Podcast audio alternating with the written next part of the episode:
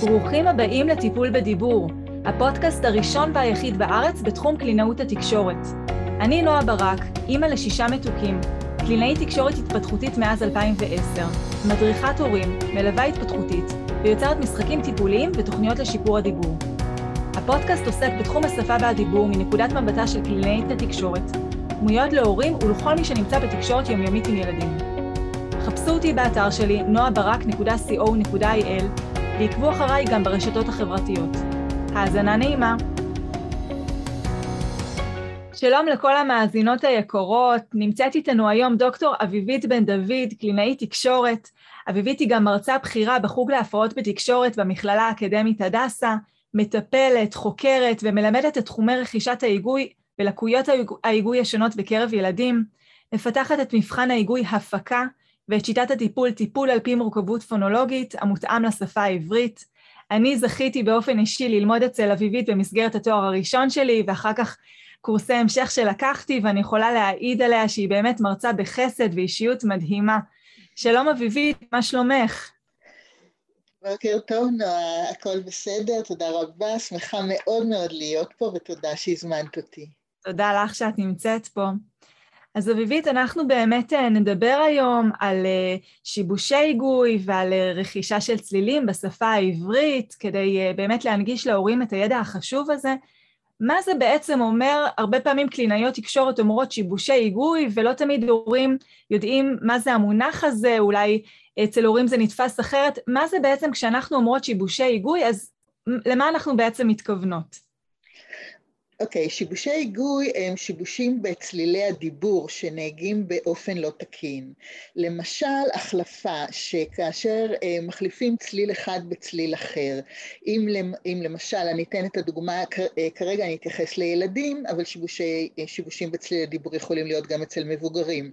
אז אם ילד אומר במקום שלום סלום, הוא החליף את הצליל שין בסמך, או אם במקום כלב הוא אומר תלב, הוא החליף את הצליל כ בתה. או למשל השמטות, למשל אם ילד במקום המילה פרה אומר פאה והשמיט את הרייש, או במקום המילה בננה אומר ננה והשמיט את כל העברה הראשונה. זה יכול להיות גם הגייה לא מדויקת של צלילים, למשל במקום סמך הוא אומר סמך עם הלשון בחוץ, שזה עדיין סוג של סמך אבל לא תקין בעברית. זה יכול להיות גם למשל סיכול, חילוף מקומות בין צלילים, למשל ילד שאומר במקום פטיש, טפיש.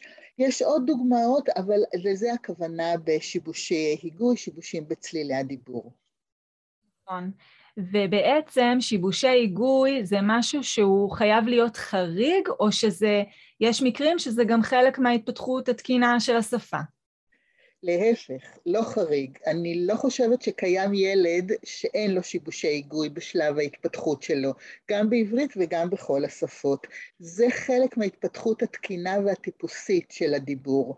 לכל ילד יש שיבושים. כשהוא קטן יש לו יותר שיבושים, וככל שעולים בגיל, פחות. אה, העניין בשיבושי היגוי זה כאשר אה, השיבושים לא חולפים לבד באופן טבעי ונשארים, ואז יש מצבים בגילאים מסוימים שהם אה, דורשים טיפול והתערבות. כן, כי בעצם השיבושים האלה זה בעצם מה שמפריע למובנות שלו, הרי, נכון? נכון. זה בעצם... כן, נכון מאוד. אה, כשיש אה, שיבושים אה, רבים, לפעמים שיבוש אחד לא מפריע למובנות, אבל כשיש שיבושים רבים, זה מפריע למובנות של הילד. זאת אומרת, הסביבה מבינה אותו פחות טוב. ההורים בדרך כלל, ההורים והמשפחה המאוד קרובה, אחים או מי שמטפל בילד, הרבה פעמים מבין אותו היטב, כי אנחנו הרי לא מבינים ילדים רק על סמך הדיבור שלהם. יש הקשר ויש ג'סטות ואנחנו מתרגלים ומבינים את הילדים היטב. אה, סביבה קצת אה, אה, יותר רחוקה מהילד, כמו בני משפחה רחוקים, או לפעמים צוות טיפולי בהתחלה, ב... לפני שהוא מכיר את הילד היטב, סליחה, צוות חינוכי. לפני שהוא מכיר את הילד היטב, או למשל נתקלתי במצבים שההורים פחדו לשלוח את הילד לבקר חברים לבד, כי הם חששו שהאימא של הילד לא תכיר, לא תבין אותו בגלל השיבושים. אז במקרה הזה זה משפיע על המובנות. ואני רוצה לשתף אתכם בסיפור קטן דווקא מהחיים שלי. הבת שלי החליפה ח בש, וכשהיא הייתה קטנה בתהליך ההתפתחות הטבעית, והייתה לה שמיכה שהיא הייתה, אתם יודעים, סמיכי כזאת. וכשהיא הלכה פעם ראשונה לגן, למעון, היא הייתה בת שנתיים, אני חושבת, או משהו כזה, אז היא ביקשה את השמיכה שלה ואמרה, חיכה, אה, סליחה, היא אמרה סיסה, סיסה, סיסה, והם לא הבינו, הם לא הבינו מה היא רוצה. קציצה או, או כל מיני דברים, כי זה לא היה ברור שח הופך לשה, והם באמת באמת לא, לקח זמן והם לא הבינו, ובסוף הם נתנו לה את התיק שלה והיא הוציאה ואז הם הבינו. אז, אה, אז זה אנקדוטה קטנה כדי להראות שלפעמים עד שמכירים את הילד היטב, קשה להבין אותו, וזה עניין המובנות. נכון, לגמרי, ואני בטוחה שגם מבחינת ההרגשה שלה, פה נפתרה, מתארת שהבעיה הצליחה להיפתר, בסופו של דבר הם היו חכמים מספיק לתת לה את התיק שהיא בעצמה תיקח את מה שהיא רוצה. אבל אם uh, זה לא היה מגיע למצב הזה והיא הייתה נתקעת ולא מצליחה להגיד את מה שהיא כל כך מבקשת, אם לא היו מצליחות להבין, אז זה בטח היה כבר מביא לתסכול ולתחושה ככה uh, לא פשוטה אצל הילד, שהוא רוצה להגיד משהו ולא מבינים למה הוא מתכוון. נכון מאוד, נכון מאוד. ילד שלא מבינים אותו מאוד מתוסכל. רוב הילדים מנסים להסביר בכל מיני דרכים, בג'סטות, בהצבעות, אבל באופן גדול גם בהתפתחות הטיפוסית, כשהילדים הם צעירים ולא מבינים אותם, הם מאוד כועסים, הם בוכים, הם אה, לפעמים יש להם התקפי זעם, אה, ולפעמים זה אפילו גורם להם, אה, לילדים מסוימים, לוותר, וזה גם עצוב מאוד. אמנם הילד ויתר ולא עשה עניין מזה, אבל בתוכו נשארה הרגשה שלא הבינו אותי. וילדים ככל שהם גדלים והשיבושים לא חולפים והם כבר גם לא תואמי גיל, זה באמת באמת יכול לגרום אה, לבעיות יותר קשות שאולי נדבר עליהן בהמשך. כן, נכון. אה, מה בעצם ייחודי בצלילים שקיימים בשפה העברית לעומת שפות אחרות? הרי כל שפה יש לה את הייחודיות שלה, אז אם אנחנו מדברים על הצלילים בעברית, מה ייחודי בהם לעומת צלילים בשפות אחרות? כן, כמו שאמרתי קודם, שיבושי היגוי קיימים בכל, אצל ילדים בכל השפות. מה שייחודי בעברית זה שיש לה כמה מאפיינים שהם נרכשים בגיל קצת יותר מאוחר, ולכן שיבושי ההיגוי יכולים להימשך קצת יותר זמן. דבר אחד שייחודי בעברית, אם נשווה אותה למשל לאנגלית, זה היצורים ח' ור'. שהם לא קיימים באנגלית, כפי שאנחנו יודעים, ורייש נרכש קצת יותר מאוחר, חטא תלוי, אבל זה ייחודי לעברית. זאת אומרת, יש עוד שפות שיש, אבל אה, זה ייחודי לעברית. מה שעוד ייחודי לעברית ואין בהרבה שפות זה הצדיק, שגם הוא נרכש קצת מאוחר. ועוד דבר ייחודי לעברית שחשוב לדעת, זה לא צליל, אבל זה טעם, התאמה. בעברית רוב המילים הם בהתאמת מלרע, זאת אומרת, הטעם הוא בעברה הסופית. אני אדגיש את זה, למשל חלון, כיסא, ילדה.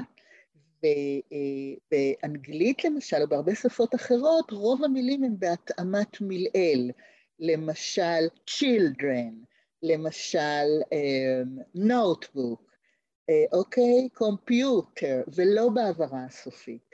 ודווקא אה, מילים עם הברה אה, מותאמת, עם הטעם מלראי בהברה הסופית, נרכשות יותר מאוחר מאשר מילים עם טעם בהברה הראשונה. ולכן ילדים דוברי עברית לפעמים יגידו חלקי מילים אה, בגיל מאוחר יותר מאשר ילדים דוברי אנגלית או שפות אחרות. מעניין. למה זה בעצם ככה? אה, כי כאשר הטעם בהעברה הסופית, אז ההעברה הסופית היא מאוד מודגשת, כמו שנתתי דוגמה, למשל חלון, אז ההעברה הזאת היא מאוד מודגשת, והילדים הוגים אותה, הם בדרך כלל לא משמיטים אותה, אבל מכיוון שהיא מאוד מודגשת, הם משמיטים את כל ההעברות לפניה שהן פחות מודגשות, ואז הם יגידו במשך הרבה זמן לון, לון, לון, רק הבהרה אחת ולא יוסיפו. כאשר ההעברה המותאמת היא לא הסופית, אז ילדים נוטים אה, להפיק יותר את העניין של שתי הבהרות, גם את המותאמת וגם את הסופית, ואז יש להם אה, מילים של שתי הבהרות אה, יותר בקלות ויותר מוקדם. כי את אומרת שבעצם בלי קשר לטעם, יהיה לנו אה, יותר אה, דגש על הסוף של המילה מעצם זה שזה סוף המילה, ולכן אם יש פה, נכנס גם הטעם שמחזק את זה, אז לא יהיה בעצם מה שנשאר לחזק את תחילת המילה, לזאת הכוונה בעצם? בדיוק, בדיוק. מעניין, ממש מעניין.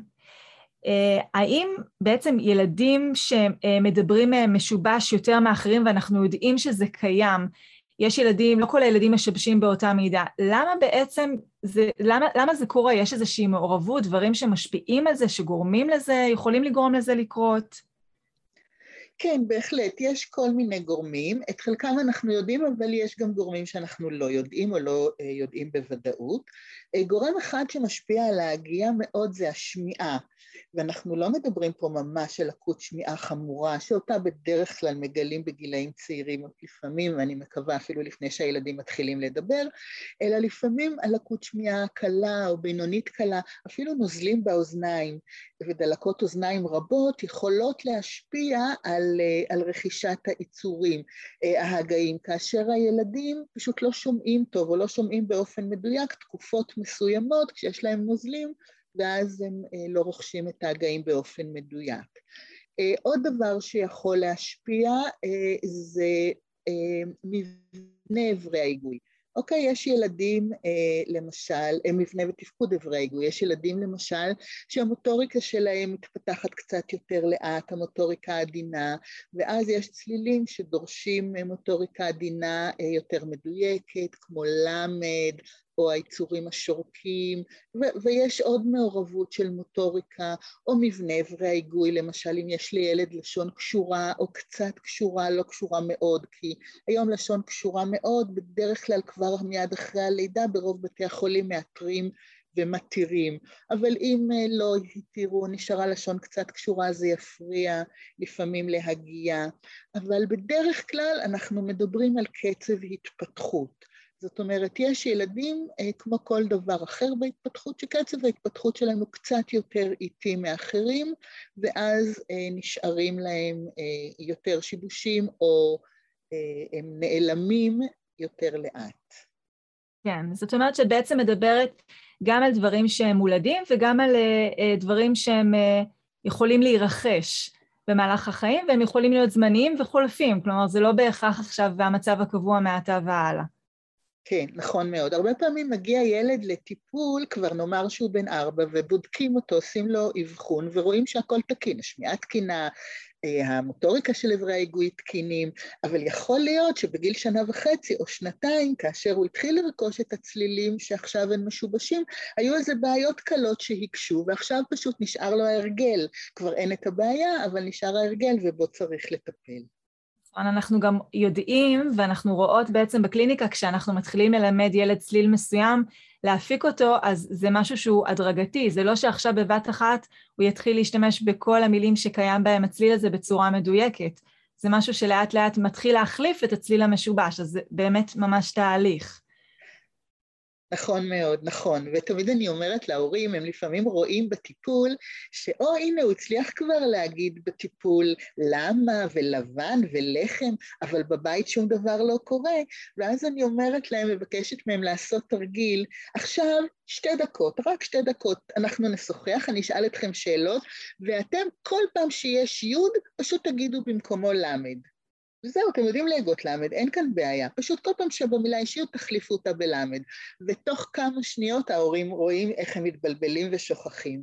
אז כן. זה מדגים להם איך זה קשה לשנות את ההרגל וצריך לעשות אותו בהדרגתיות. מקסים, זה מעולה, זה ממש מצוין, וברגע שההורים מבינים את זה, אז קל להם יותר גם להכיל את התהליך שהילד בעצם עובר בעצמו. הם ככה יפתחו בטח יותר סבלנות והכלה כלפי זה, ו...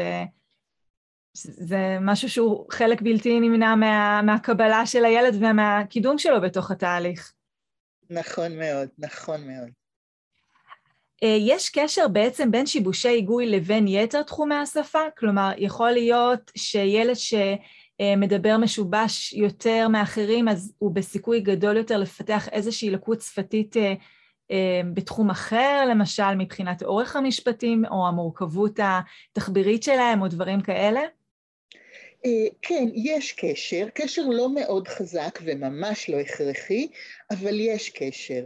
יש ילדים שיש להם גם איחור שפתי, כאשר איחור שפתי זה באמת איחור באורך המשפט, מבנה המשפט, אה, לפעמים אוצר מילים, לפעמים הטיות של מילים, למשל ילד יכול להגיד אה, הילדה יושב, או כל מיני שיבושים כאלה שהם של שפה, לא של היגוי, לא של צלילי ההיגוי והדיבור, אה, ויש איזשהו קשר, ילדים עם אה, לקות שפתית או איחור שפתי, זה לא חייב להיות לקות, לפעמים יש להם יותר שיבושי היגוי. אבל זה לא הכרחי. יש ילדים עם אה, אה, עיכוב או איחור שפתי שההיגוי שלהם ממש תקין ותואם גיל, ויש ילדים עם שיבושי היגוי שהשפה, רמת השפה שלהם תקינה לגמרי, אבל יש איזשהו קשר קל, ולכן תמיד צריך לשים לב לשניהם. כן. זה קשר שאני מניחה שהוא יכול להיות גם קשר ראשוני, כלומר אותו גורם אה, ש, שבעצם מביא לשיבושי ההיגוי יכול להביא גם לעיכוב שפתי אה, בתחומים אחרים, אם למשל זה איזושהי, איזשהו קושי שהוא מולד, ו, וזה גם בטח משהו שיכול להיות סביבתי, להיווצר כ, אה, כגורם סביבתי, אם למשל ילד שהוא מאוד משובש והוא רגיל שלא מבינים את מה שהוא אומר, אז הוא יכול לפתח איזושהי הימנעות מלדבר, וככל שהוא ידבר פחות, אז הוא יתנסה פחות בשפה, ואז זה ישפיע גם על הרכישה שלו של המבנים השפתיים הנוספים, כי, כי אנחנו לומדים דרך התנסות. בדיוק, בדיוק. שני הגורמים הם בהחלט אה, נכונים ואפשריים, אה, ונכון, נכון מאוד. שיבוש בדיבור זה משהו שהוא יישאר לנצח אם לא נטפל, אני בטוחה שזאת שאלה שמעסיקה הרבה הורים, הם אומרים, יכול להיות שחלק מההורים אומרים, טוב, אז לא נורא, כרגע הוא משובש, אבל זה יעבור עם הזמן. אז האם זה בהכרח יעבור עם הזמן, כל שיבוש בדיבור? אה, ומה יכולות להיות ההשלכות בעצם גם של ההמתנה הזאת? כלומר, גם אם זה כן יעבור עם הזמן, איזה, למה זה עוד יכול להשליך הלאה? הרבה, באמת, הרבה הורים שואלים, ומבוגרים אחרים, אוקיי, אנחנו מסתכלים סביבנו, ואנחנו רואים הרבה מבוגרים, וגם מבוגרים מאיתנו, ההורים שלנו, בדור שלהם אנחנו לא רואים אנשים מבוגרים עם הרבה שיבושי היגוי, ובדור שלהם לא טיפלו, או לא הייתה מודעות לטיפול, ועובדה שזה עבר, אז האם חייבים לטפל, או שזה יעבור לבד? אז, אז זו תשובה מורכבת.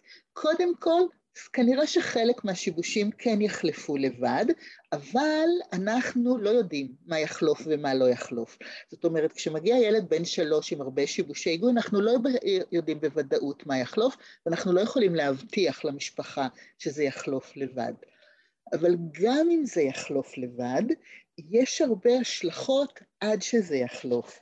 אוקיי? השלכה אחת היא המודעות של הילד. כשהילד קטן הוא בדרך כלל פחות מודע לצליל, אה, לצלילי הדיבור, וגם הסביבה, הסביבה, החברים שלו אה, פחות מאירים לו, פחות מתייחסים לזה, בדרך כלל רמת המשחק והשיתוף היא מאוד מאוד טובה, גם עם ילדים שלא מדברים ברור ויש להם שיבושי היגוי. ככל שהילד גדל, אז המודעות שלו, כי הוא משווה את עצמו לסביבה, וגם הסביבה עצמה, הסביבה החברית של הילדים, מתחילה להעיר, אפילו לשאול שאלות שאלות בתמימות, למה הוא מדבר ככה, למה אני לא מבין אותו, אוקיי? ו- ו- וזה בהחלט אה, לא נעים. אה, דבר שני זה מובנות הדיבור שהזכרנו אותה קודם, אם לילד יש מספר שיבושים והוא לא מובן, אז אנחנו צובר עוד ועוד חודשים ושנים של להיות לא מובן.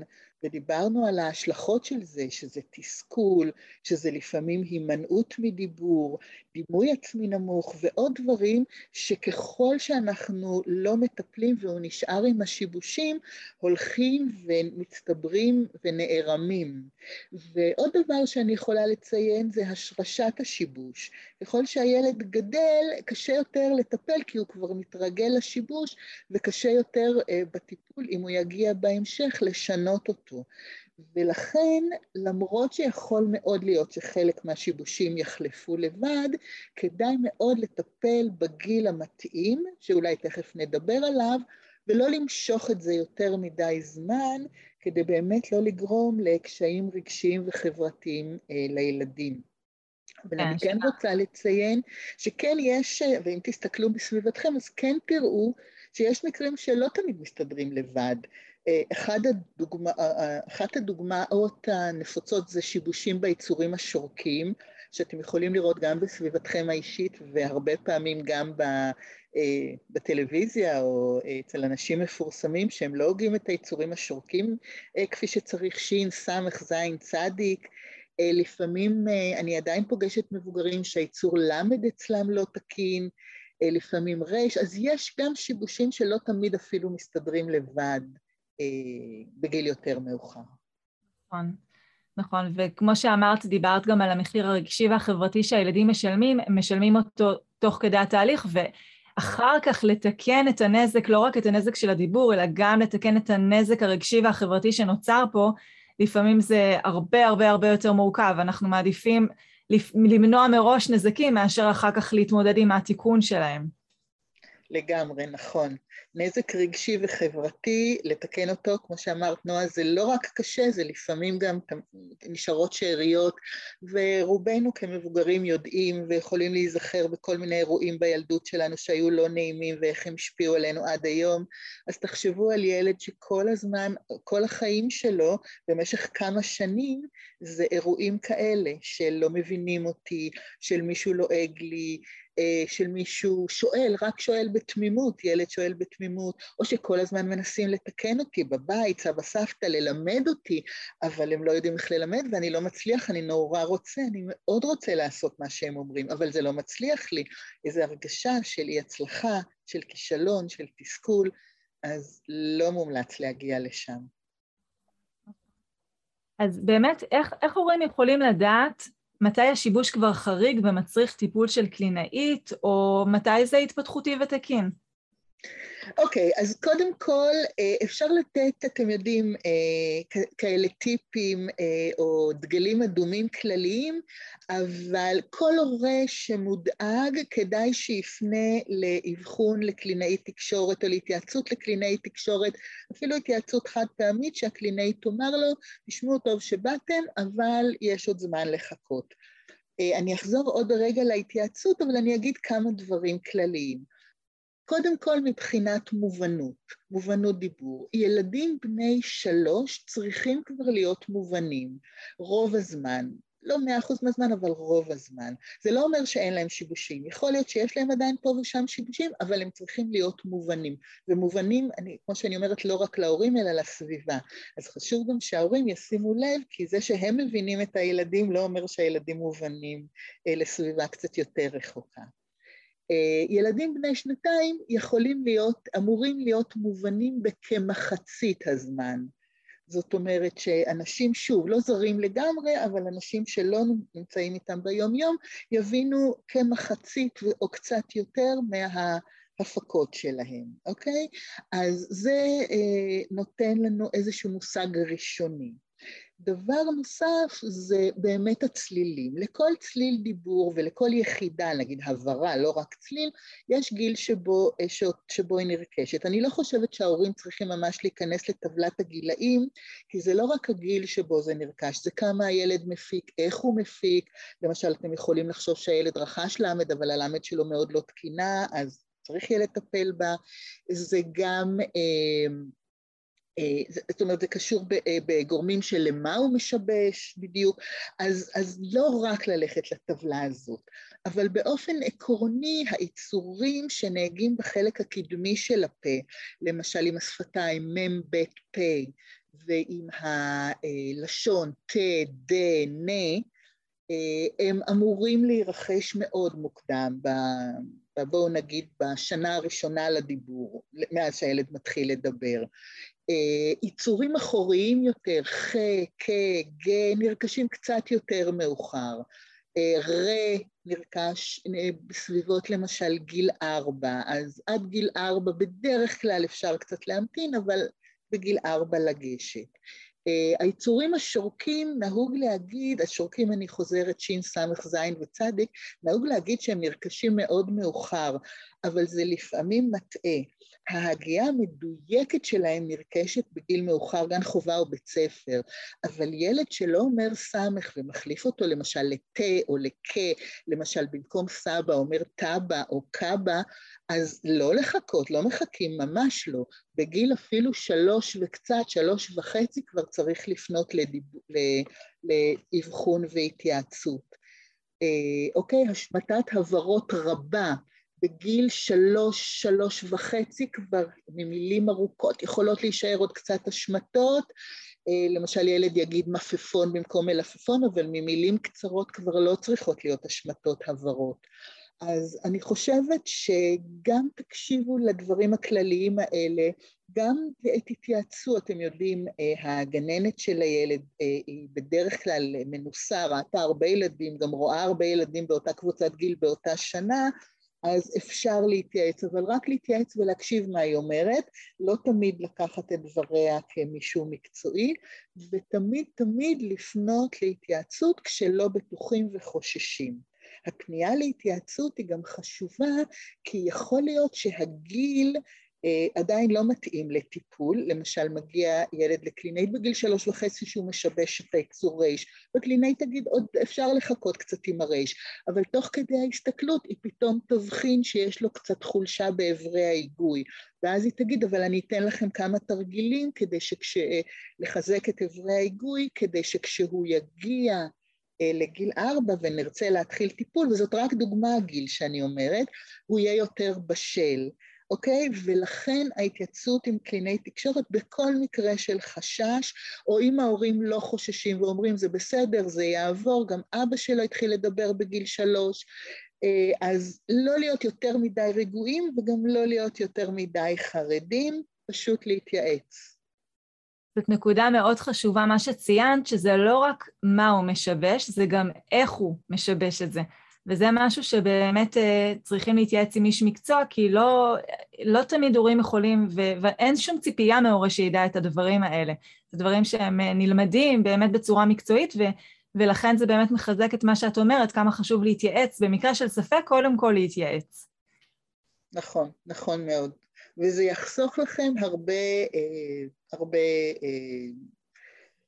אני אקרא לזה בעיות וקשיים בהמשך, כי אל תדאגו שמישהו אומר לכם, ואני שמעתי מקרים, הרופא ילדים אמר שאני אימא היסטרית, והגננת אמרה, אה, שטויות זה יעבור, אבל אם את מרגישה בלב שאת לא בטוחה, ואתה, האב, מרגיש בלב שאתה לא בטוח, אה, אז תפנו להתייעצות, זה לא, אה, לא יקרה כלום. מקסימום יגידו לכם, טוב שפניתם, אפשר להמתין ויגידו לכם עד איזה גיל להמתין, ואתם תהיו יותר רגועים ובטוחים שאתם בידיים מקצועיות.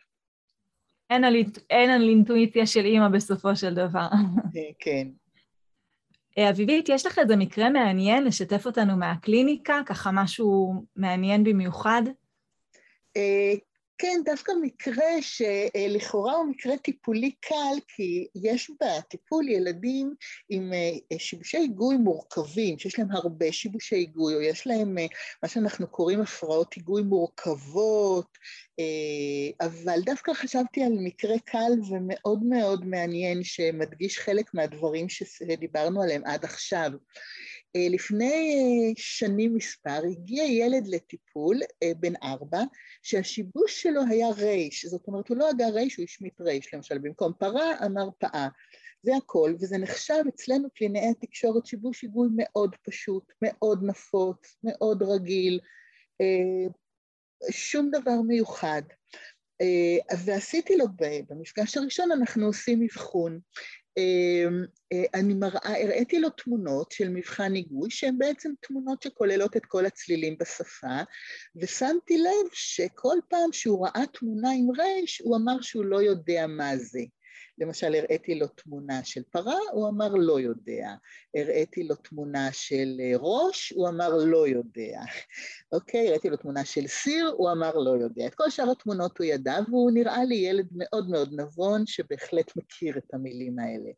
התחלתי לחשוד ואמרתי, אוקיי, אני אהיה מתוחכמת, אני אנהל איתו שיחה חופשית, טבעית, ואני אשאל אותו שאלות שמכוונות למילים עם רייש, ו... ואז נשמע באמת איך הוא הוגה את הרייש, כי הוא לא הסכים להגיד אותו. וניהלתי איתו שיחה של כמה דקות, ואני רוצה להגיד לכם שזה היה מקרה יחיד. אני לא נתקלתי בדבר כזה. במשך כמה דקות ניהלנו שיחה, ואני, אתם שאלתי אותו על הגן, על חברים, על תחביבים, על משפחה, כל מיני דברים. והוא הצליח לנהל איתי שיחה של כמה דקות, בלי להגיד אף מילה שיש ברייש. זאת אומרת, זה לא שהוא אמר ושיבש, הוא פשוט עקף את המילים עם הרייש. אני לא חושבת שאני יכולה לעשות את זה, תנסו אתם לעשות את זה סתם באיזה ניסוי קטן. אין לכם מושג כמה זה קשה ומורכב. הוא פשוט לא הגה אף מילה שצריך להיות ברייש. ואז הבנתי שכדאי להפסיק ללחוץ עליו, כי הוא מאוד מאוד מודע לבעיה, שזה פחות אופייני לגיל ארבע. זאת אומרת, לגיל ארבע הם מודעים, אבל לא מודעות כזאת עמוקה. הוא ילד אינטליגנטי בצורה לא רגילה, אם הוא מצליח עד כדי כך לעקוף בשיחה חופשית ולא להגיד אף מילה שצריך להיות ברייש, אבל זה גם אמר לי משהו שהיה לי קצת יותר עצוב, שהוא מאוד מאוד מתוסכל ומאוד מאוד מודע. ומאוד מאוד נמנע, והוא חושב שאם הוא יגיד מילה עם רייש וישבש אותה, זה מאוד מאוד, או שאני לא יודעת מה היה בעבר שלו, יודעים, או שלעגו לו, או שניסו לתקן לו יותר מדי, והוא ספג את זה כחוויה מאוד שלילית. ובעצם מה שעשינו בטיפול זה במפגשים הראשונים פשוט רכשתי את אמונו. וכמובן הסברתי להורים, לא, לא טיפלנו בכלום, פשוט שיחקנו וצחקנו והתחרנו ונתתי לו לנצח ונתתי לו להרגיש כל מיני דברים, עד שבאמת הוא השתחרר והרגשתי שהוא מתחיל לדבר איתי באופן יותר חופשי, ואז באמת העליתי בפניו את הנושא, סיפרתי לו שאליי באים ילדים שיש להם כל מיני שיבושים ולא יודעים להגות כל מיני צלילים, ונתתי לו דווקא דוגמאות לא של ריי, של צלילים אחרים שילדים אחרים לא יודעים להגות והוא יודע. וסיפרתי לו איך אנחנו מטפלים ואיך הילדים האלה לומדים ומצליחים, ואחרי כמה מפגשים הם מצליחים לדבר, אה, להגיד את הצלילים האלה היטב, ובעצם נתתי לו את הביטחון שהוא בא למקום שיעזור לו ולא ישפוט אותו, וגם את ההרגשה שהוא לא היחיד בעולם. אנחנו לפעמים לא מודעים לזה, אנחנו ההורים, ולפעמים גם אנחנו המטפלים, שלפעמים יש ילד עם שיבוש שיגוי אפילו פשוט, שלא לדבר על יותר מורכב, שהם לא יודעים שיש עוד ילדים עם שיבושי היגוי. כי אם כל הילדים בגן שלהם, או כל האחים שלהם, אין להם שיבושי היגוי, או כבר אין להם שיבושי היגוי, אז, אה, אז הם חושבים שהם היחידים בעולם, וזה גורם להם להרגיש עוד יותר לא מוצלחים. וברגע שקצת מספרים להם שיש עוד ילדים כאלה, אה, ושאנחנו עוזרים להם והם מצליחים, זה משחרר אותם וזה נותן להם אה, לתת אמון בקלינאית ובתהליך הטיפולי. אז דווקא סיפרתי משהו שהוא לא איזה מקרה קשה של היגוי, אבל באמת למה כדאי לטפל אה, כמה שיותר מוקדם בזמן. זו דוגמה מצוינת, גם לטפל מוקדם וגם כמה חשוב לא לנסות לבד לתקן את הילד בבית. כמה חשוב לגשת באמת להתייעצות מקצועית ולטיפול מקצועי במידה וצריך, כי התיקונים האלה שהורים, מתוך כוונה טובה ורצון טוב, וברור שכל הורה רוצה את טובת הילד שלו, אבל בלי משים זה יכול לגרום לנזק יותר גדול מתועלת, שאחר כך שוב, לתקן נזקים זה תמיד יהיה הרבה יותר קשה. נכון מאוד, גם לתקן נזקים רגשיים כמו שראינו, כי לא תמיד הילדים מצליחים כשההורים מנסים לתקן אותם, ואז הם מרגישים כמה הם לא מוצלחים, וגם לנזקים של ההיגוי עצמו, לפעמים הילד בתוך כדי התיקון עושה שיבוש אחר, ואת השיבוש האחר הרבה יותר לפעמים קשה לתקן מאשר את השיבוש המקורי שאנחנו נפגשים איתו הרבה והוא טבעי יותר והתפתחותי יותר וקל לנו יותר. לכן מאוד מאוד חשוב לא לנסות לתקן בבית, אה, אלא באמת באמת לבוא לגורמים המקצועיים. ממש, ממש כך, זו דוגמה מצוינת. מה כן אפשר לעשות בבית במקביל לטיפול בקליניקה? אוקיי, okay, אז, אז אה, אני אחלק את זה לשני דברים, התנהגות כללית והתרגול על פי הנחיות הקלינאית. אז uh, מבחינת התרגול על פי הנחיות הקלינאית, הקלינאית נותנת כל פעם הביתה אה, תרגול מאוד ספציפי לשלב שבו הילד נמצא בטיפול, והיא בדרך כלל נותנת גם אה, תרגול של משהו שהוא הצליח בקליניקה, זאת אומרת שהוא כבר מסוגל להגות את זה, ורק חשוב לתרגל ולתרגל כדי שזה יושרש בו ההרגל וכדי שאפשר יהיה להתקדם במפגש הבא. לכן מאוד מאוד חשוב אה, כן לעשות את התרגולים, אבל בדיוק לפי הנחיית הקלינאית, לא יותר, לא לרוץ קדימה, כי יש הורים שמאוד מאוד רוצים לעזור לילד ורצים קדימה, אבל זה לא מסייע, והרבה פעמים זה גם מפריע ומקלקל. אבל גם אלה שלא מתרגלים או לא מתרגלים מספיק בעצם מעכבים את הטיפול, כי אם הילד לא מתרגל במהלך השבוע, הוא חוזר למפגש לאחר שבוע והוא בערך באותו מצב, או הרבה פעמים גם ברגרסיה, כי הוא שכח מה היה במפגש הקודם, וזה עושה את הטיפול יותר איטי, פחות מתקדם. אז מאוד מאוד חשוב לתרגל לפי הנחיות הקלינאית. רוב הטיפול, הנחיות הקלינאית יהיו ממש לתרגול של מילים, או ממש הנחיות מאוד ספציפיות לזמן קצר בבית. ולכן אה, מגיע החלק השני. אנחנו אה, הורים של הילד, אנחנו לא קלינאים שלו, ולכן אנחנו עושים את התרגול שהקלינאית ביקשה, שזה שיעורי בית, אבל שאר היום אנחנו לא קלינאים, אנחנו לא מתקנים אותו כל היום, אנחנו לא מעירים לו כל היום, אנחנו לא מבקשים במהלך הדיבור ביום-יום שיגיד מילים ששמענו אותו אומר בקליניקה, כי אולי הוא עוד לא בשלב של להגיד אותם ביום-יום, אולי הוא עדיין רק בשלב של לראות תמונה ולהגיד אותן, אוקיי?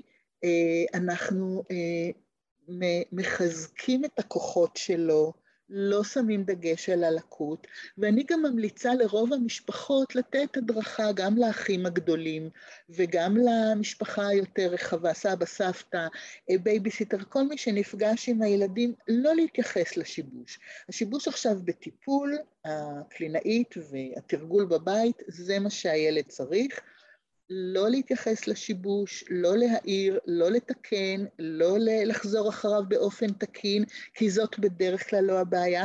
אפשר לחזור אחריו אם היינו חוזרים באופן, אה, למשל אם ילד אומר, אה, אה, אני רוצה בורקס, ואתה לא בטוח שזה מה שהוא התכוון, שאתה רוצה בורקס, זה בסדר, אבל רק מה שטבעי, לא בשביל לתרגל את ההיגוי. כי דווקא בהיגוי החזרה הזאת היא לא תמיד מועילה והיא יכולה גם כמו שאמרנו, אה, להזיק לילד. אלא אם כן הקלינאית הנחתה שזה משהו שהילד אה, זקוק לו, אז כן לעשות. אז באמת באמת לפעול לפי הנחיות הקלינאית, ובשאר היום להיות הורים כמו לילד ללא שימושים, לשחק איתו, אה, לקרוא לו סיפורים, לכעוס עליו, כמו עם כל ילד רגיל, ולא לתת לו את ההרגשה שהוא מיוחד לא בחלק הטיפולי ולא בחלק ההתנהגותי, אלא פשוט להתנהג איתו כמו עם כל ילד אה, רגיל, וזה הכי נכון והכי בריא לו. מצוין, זאת נקודה מאוד מאוד חשובה. זה באמת, אה, כשאנחנו מדברים על שיבושים של אה, צלילים ספציפיים או אותיות ספציפיות שילד לא מצליח להגיד, אבל אם אנחנו מתייחסים לדברים שהם גורפים יותר, כמו שנתת דוגמה בהתחלה, ילדים שמשמיטים את תחילת המילה, או ילדים שמשמיטים דווקא את הצליל הסופי במילה, אה, במקרה הזה כן יש דברים שהורים יכולים, אה, שוב, אנחנו אף פעם לא מתקנים ואף פעם לא מעירים לילד, אבל יש כן דגשים שהורים יכולים לעשות, אה, לשלב יותר בהתנהלות הטבעית היומיומית, כן, הם יכולים להדגיש קצת יותר, למשל אם הילד משמיט סופי מילים, הם יכולים טיפה להדגיש סופי מילים, אבל עדיין זה יכול להיראות מאוד לא טבעי אם ההורה כל היום מדגיש סופי מילים ואומר את הדיבור שלו לא טבעי. אבל כן, מדי פעם אפשר. ואני גם מציעה, אם הילד בטיפול, גם להתייעץ עם הקלינאית, אם היא חושבת שבשלב הזה זה יתרום לו או לא יתרום לו, אה, ולעשות הכל תוך התייעצות עם הקלינאית. אבל כן, אפשר להדגיש קצת בטיפול דברים כאלה, ובעיקר אני ממליצה בסיפורים. אוקיי? אם אנחנו קוראים לילד סיפור, אז כן אפשר אה, תוך כדי הסיפור להדגיש דברים אה, כאלה שהוא משמיט, רק כדי שהוא יהיה קצת יותר מודע אליהם. כן, מצוין. וואו, אביבית, הנושא של שיבושי היגוי זה נושא שנוגע בכל כך הרבה הורים ועשית לנו כל כך הרבה סדר היום. תודה רבה, באמת היה כל כך מעניין וכל כך מדויק, ואני בטוחה שהורים יצאו פה עם כל כך הרבה תובנות וכלים והכוונה נכונה עבורם, שזה באמת, ממש ממש תודה רבה לך. אה, אני בשמחה, ממש בשמחה, בהצלחה לכולם, אה, ותודה רבה לכם. תודה שהאזנתם לעוד פרק בפודקאסט טיפול בדיבור.